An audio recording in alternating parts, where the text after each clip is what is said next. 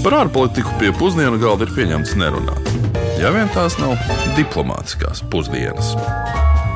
Labdien! Skan diplomātiskās pusdienas, un ar jums esmu es, Kārls Bukovskis un mans kolēģis Uģis Lībijams. Šis raidījums ir dubultā atzīmējams, jo tas ir ne tikai mūsu 170. raidījums, bet raidījumam ir arī četru gadu jubileja. 2020. gada 18. februārī iznāca mūsu pirmais raidījums, tas bija par Irānu. Un kas būtu domājis, ka par spīti Covidiem un daudzām profesionālām izmaiņām raidījums būs vēl joprojām populārs? Un tas tikai un vienīgi pateicoties jums, darbie klausītāji. Sveicināti arī no manas puses, un šodien mūsu aplūkojamā valsts būs Ziemeļmaķedonijas republika, tepat Eiropā, Rietumbalkānos. Nedaudz mazāk nekā 2 miljonu nelielā valsts izveidojās 1991. gadā pēc Dienvidslāvijas sabrukuma. Vienlaicīgi Ziemeļmaķedonijas teritorija tiek uzskatīta par vienu no viscenāk nepārtraukti apdzīvotiem reģioniem Eiropā. Mūsdienu Ziemeļmaķedonijas teritorija ir bijusi vairāk, tostarp gan Maķedonijas, Aleksandra, gan Romas impērijas, gan Osmaņu impērijas sastāvā. Kā politiskā vienība ar nosaukumu Maķedonijas Tautas Republika, tā tika izveidota 1946. gadā, kad tā ietilpa Dienvidslāvijas Socialistiskās Federatīvās Republikas sastāvā. Ar nosaukumu bijusī Dienvidslāvijas Republika Maķedonija valsts 1993. gadā tika uzņemta ANO. Vēl starterīgi gan gribētos pieminēt dažas lietas, kas man šķiet aizraujošas, lasot par Ziemeļmaķedoniju. Nu, pirmkārt, Valstī ir virkne UNESCO sarakstos iekļautu un arī neiekļautu kultūras mantojumu. Nu, vispirms jau Ohrida ezers, kurš skaitās viens no pasaulē vecākajiem un dziļākajiem ezeriem. Ezera vecums ir vairāk nekā 4 miljoni gadu, un dziļums šobrīd ir 277 metri. Nu, tas pat nav visai izbrīnoši, ņemot vērā, ka vairāk nekā 80% Ziemeļmaķedonijas teritorijas ir kalni. Par kalniem runājot, Ziemeļmaķedonijā Matkas kanjonā atrodama Vrelo zemūdens ala. Tā ir viena no pasaulē dziļākajām alām, ja ne pati dziļākā, bet neviens nezina tās patieso dziļumu. Izpētīti tikai 77 metri. Nu, izklausās pēc kādas niršanas entuziastu paradīzes, bet par entuziastiem vēl runājot.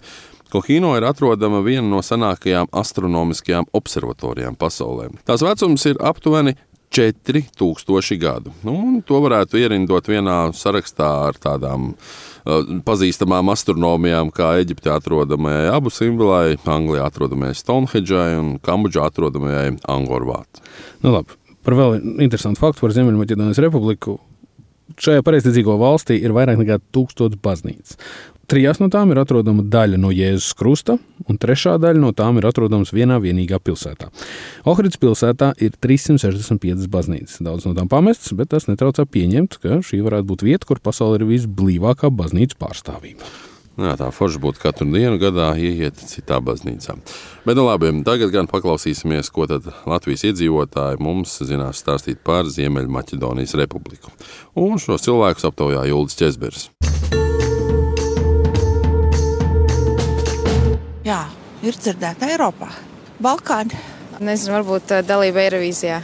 Nu, tas ir jauns nosaukums. Viņi ļoti ilgi cīnījās.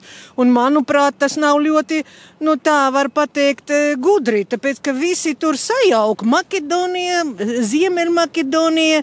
Tur viņiem bija strīdus. Jā, jā, jā, jā. Bet man liekas, ka cilvēki tagad dažādi sajauks. Kas tas ir? Es zinu, ka Makedonija ir.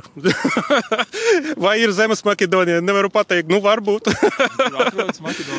nu, šeit kaut kur pasaulē. Nu. tā jau nav tagad, tā jau bija agrākos laikos, man liekas.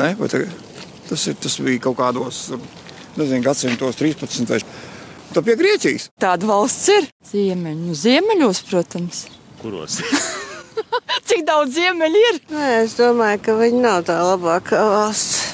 Kāpēc? Viņi tur ir radikāli domājuši nedaudz. Tagad pēdējā laikā viņi tur visādas tās Slovākijas un Ungārijas. Viņi kaut kur no tās šlakas.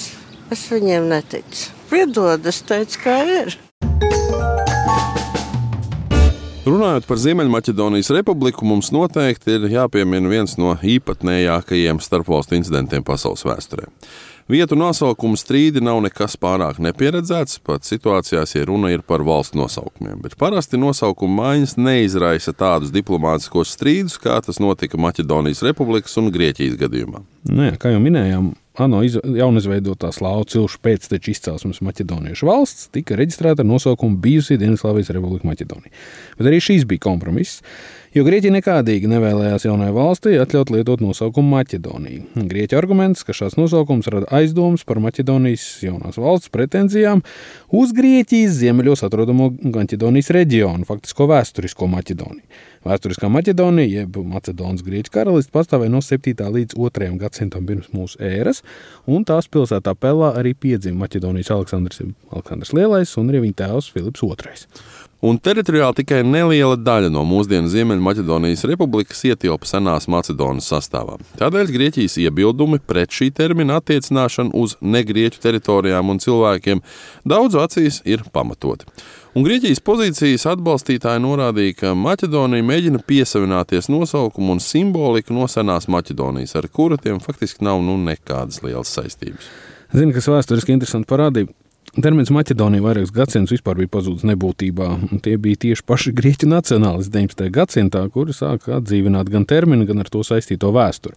Terminu, kuru 20. gadsimtā tagadējās Ziemeļmaķedonijas republikas teritorijā sāka piedēvēt pirma, pēc Pirmā pasaules kara, etnoģenēzi praktizējošie intelektuāli, viņus tā var nosaukt, un visbeidzot to operacionalizēja komunisti pēc Otrā pasaules kara, kā minējām.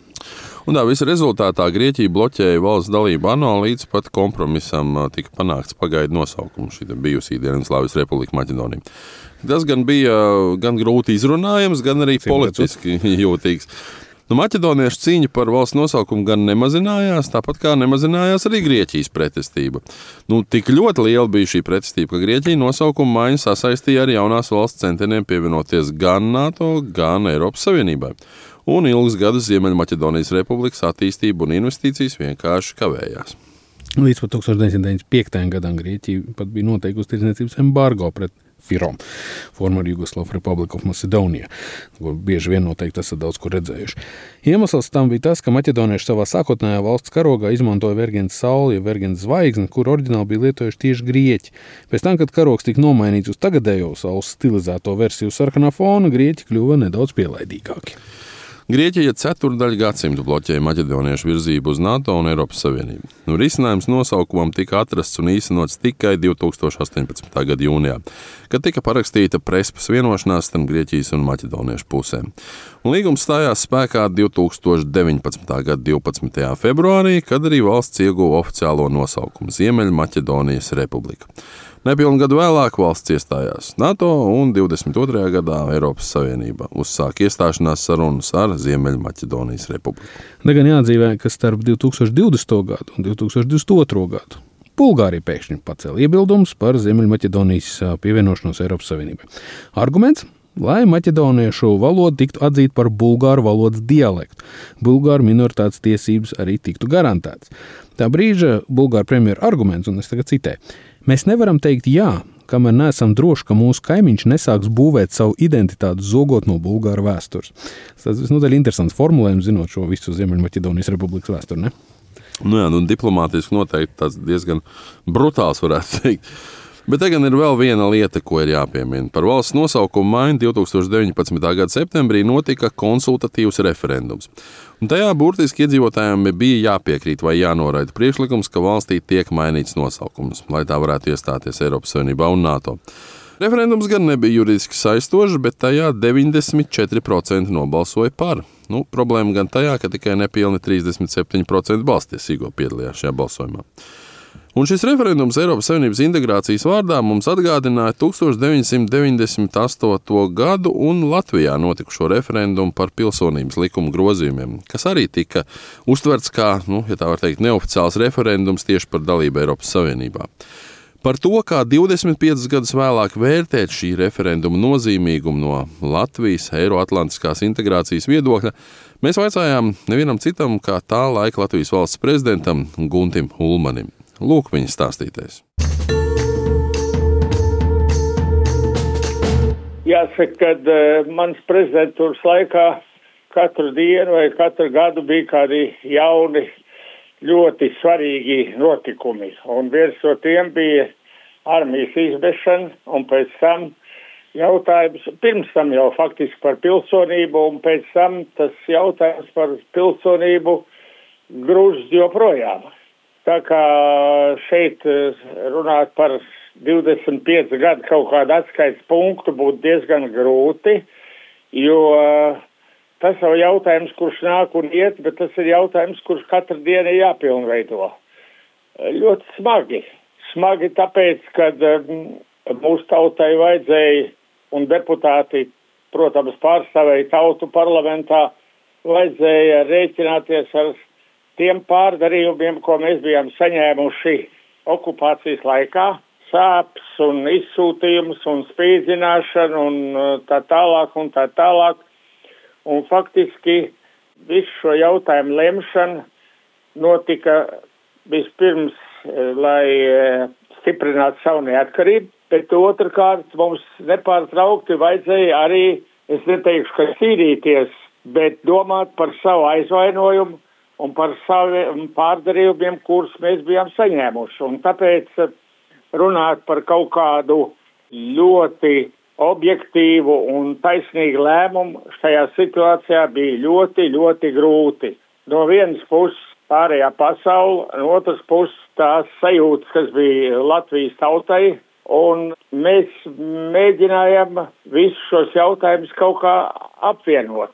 Es neteikšu, ka tajā brīdī es izjūtu spiedienu tādā veidā, ka ja jūs nepieņemsiet kaut kādu rietumiem vēlamu pilsonības likumu, ka tad jūs netiksiet NATO un Eiropas Savienībā.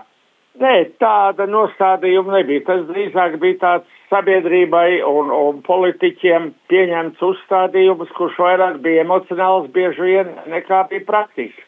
Jo vienīgais, ko es saņēmu gan no Amerikas Savienotām valstīm, gan no attiecīgām institūcijām Eiropā, bija tas, ka nu, jums jākļūst par civilizētu valsti, jums ir jārespektē cilvēku tiesības, jums ir jārespektē tās domas, kas tiek izteikts, kā, kādi jūs būsiet nākotnē, un ar to saskaroties mums bija arī jāpieņem šie lēmumi. Jāsaka, ka uh, logu naturalizācija, kas bija pieņemta, liekas, 94. gadā, un uh, bija pagājuši 3-4 gadi, kopš viņi bija it kā darbojušies, logu naturalizācija bija bezgalīgi sarežģīta, komplicēta, un faktiski uh, iedzīvotājiem bija ļoti grūti saprast šo jautājumu. Un tas arī izšķīra tā referenduma tādu pretrunīgumu, par ko tad īsti balsot, par vai pret.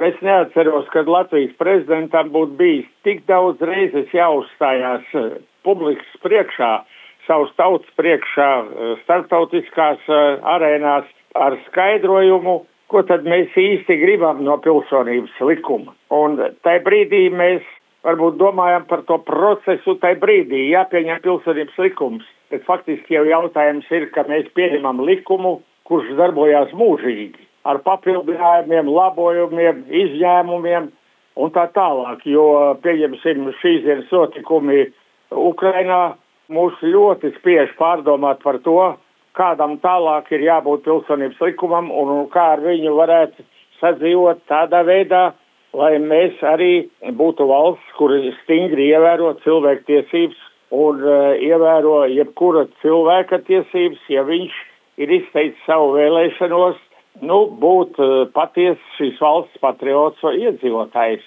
Ļoti sarežģīts un nav svarīgi tik daudz, es sapratu to pēc tam tikai vēlāk pieņemt šo likumu. Ir svarīgi šo likumu realizēt. Un te jāsaka, kad, uh, ziniet, kā ir ar labu mūziku kādreiz Mūzika ļoti laba, bet uh, izpildītāji pavāji. Tā mums reizēm gāja arī ar šo pilsonības likumu. Mēs viņu pieņēmām atbilstoši valsts interesēm, bet izpildītāji vispirms deputātu personā plašākā nozīmē nebija paši tie veiksmīgākie. Nu, tas ir varbūt tas sarežģītākais jautājums, ko es esmu iznesis no šīs 30 gadu pieredzes, kad ir svarīgi pieņemt likumus, bet vēl ir svarīgāk šos likumus pareizi izpildīt un realizēt. Tās nu bija Latvijas ceļš uz Eiropas Savienību un NATO. Sarežģīts.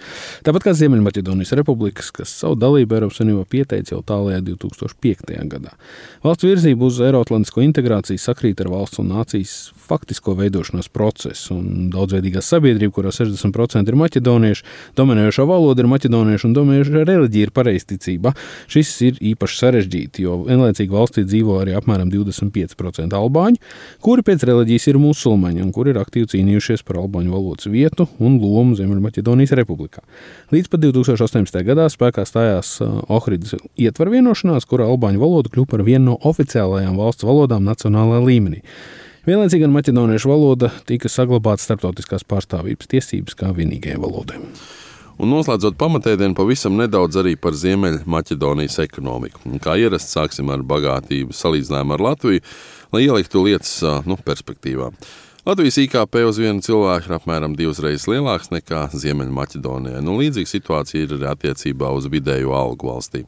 Valsts vēl joprojām cīnās ar ekonomisko un politisko reformu pabeigšanu, cenšas apkarot organizēto noziedzību un arī būtiskos korupcijas līmeņus. Valsts, kura faktiski atrodas kalnos, ir, protams, orientēta uz iegūstu rūpniecību. Viena no saudabīgākajām parādiem ir tas, ka Ziemeļmaķedonijā, Kožuva kalnā, atrodas pasaulē vienīgās atklātās tālija atradnes. Tālijas ir elements, kuru veidoti minerāli ir izmantojami gan medicīnā, gan elektronikā, gan enerģētikā, nu, respektīvi modernajā ekonomikā. Un Ziemeļmaķedonijā tiek rēķināts, ka apjoms varētu būt apmēram 500 tonnas ar šo metālu. Nu, man nav ne mazākās nojausmas par to, kur tiek izmantots tālīgs mūsu dzīvē, bet uh, gribētos piezīmēt, ka maķedoniešu vēsturnieki ir mēģinājuši virzīt domu, ka tālija minerālus uz saviem vairogiem esot klājuši arī Aleksandra lielā karavīri, lai saules gaismā apžilbinātu pretiniekus. Nu, Droši vien kādiem ķīmiķiem vai fizikiem būs kas iebilstams, bet uh, esmu dzirdējis, ka tālijas ir ārkārtīgi indīgs un neizklausās, ka tā būtu bijusi laba taktika, kā saglabāt pašam savu armiju. Mm. Lai cik būtu paēdis, vienmēr ir vieta arī desertam. Un desertā pavisam īsi par vēl dažiem interesantiem faktiem. Kā noprotat, bez iegūtas rūpniecības Ziemeļmaķedonijas ekonomika apmēram 3% no visa iekšzemes koprodukta veido arī turisma industrija. Ohrida ezers, kalni, baznīcas un daudz citas lietas, kas vilina ceļotājus, nu, to jau mēs pieminējām ievadā. Ko mēs nepieminējām, ir tas, ka pie tā paša Ohrida ezera atradīsiet arī nelielu ciematu, kurš 1991. gadā pasludināja neatkarību. Vevcāni ciemats izveidoja savu valūtu un savu karogu, un neilgi pēc neatkarības pasludināšanas gan tas tika iekļauts blakus esošajās trūks pašvaldībām. Tomēr Nu, tas gan netraucē vietējiem izmantot uh, Vefcāni republikas nosaukumu, lai piesaistītu turistus, un runā, ka viņi pat varot ikvienam no mums piešķirt pilsonību, ja mēs spēsim izdzert pietiekami daudz vietējā vīna. Jā, nu, nezinu, Latvijas likumdošana pieļauj šādu alkohola eksāmenā iegūtu divgultu pilsonību, bet um, katrā gadījumā Ziemeļmaķedonija ir pazīstama ar vēl kādu īpatnību, ar magoņu audzēšanu un opiju kultivēšanu. Rezultātā maķedonieši ir radījuši pasaulē spēcīgāko opiju, kas ir 14 morfiju vienības stiprs. Jāatzīmē, ka pasaulē slavenais Ķīnas opijas, kas ir otrs stiprākais, ir astoņas morfija vienības stiprs. Uz šiem reibinošajiem faktiem arī noslēgsim šīs dienas raidījumu, bet nākamajā nedēļā dosimies uz Hondurasu, un tur arī nedaudz parunāsim par apreibinošām vielām, par alkoholu. Bet līdz tam mums atdzirdēšanos. Lai izdodas! Diplomātiskās pusdienas katru otrdienu pusdienos Latvijas Radio 1.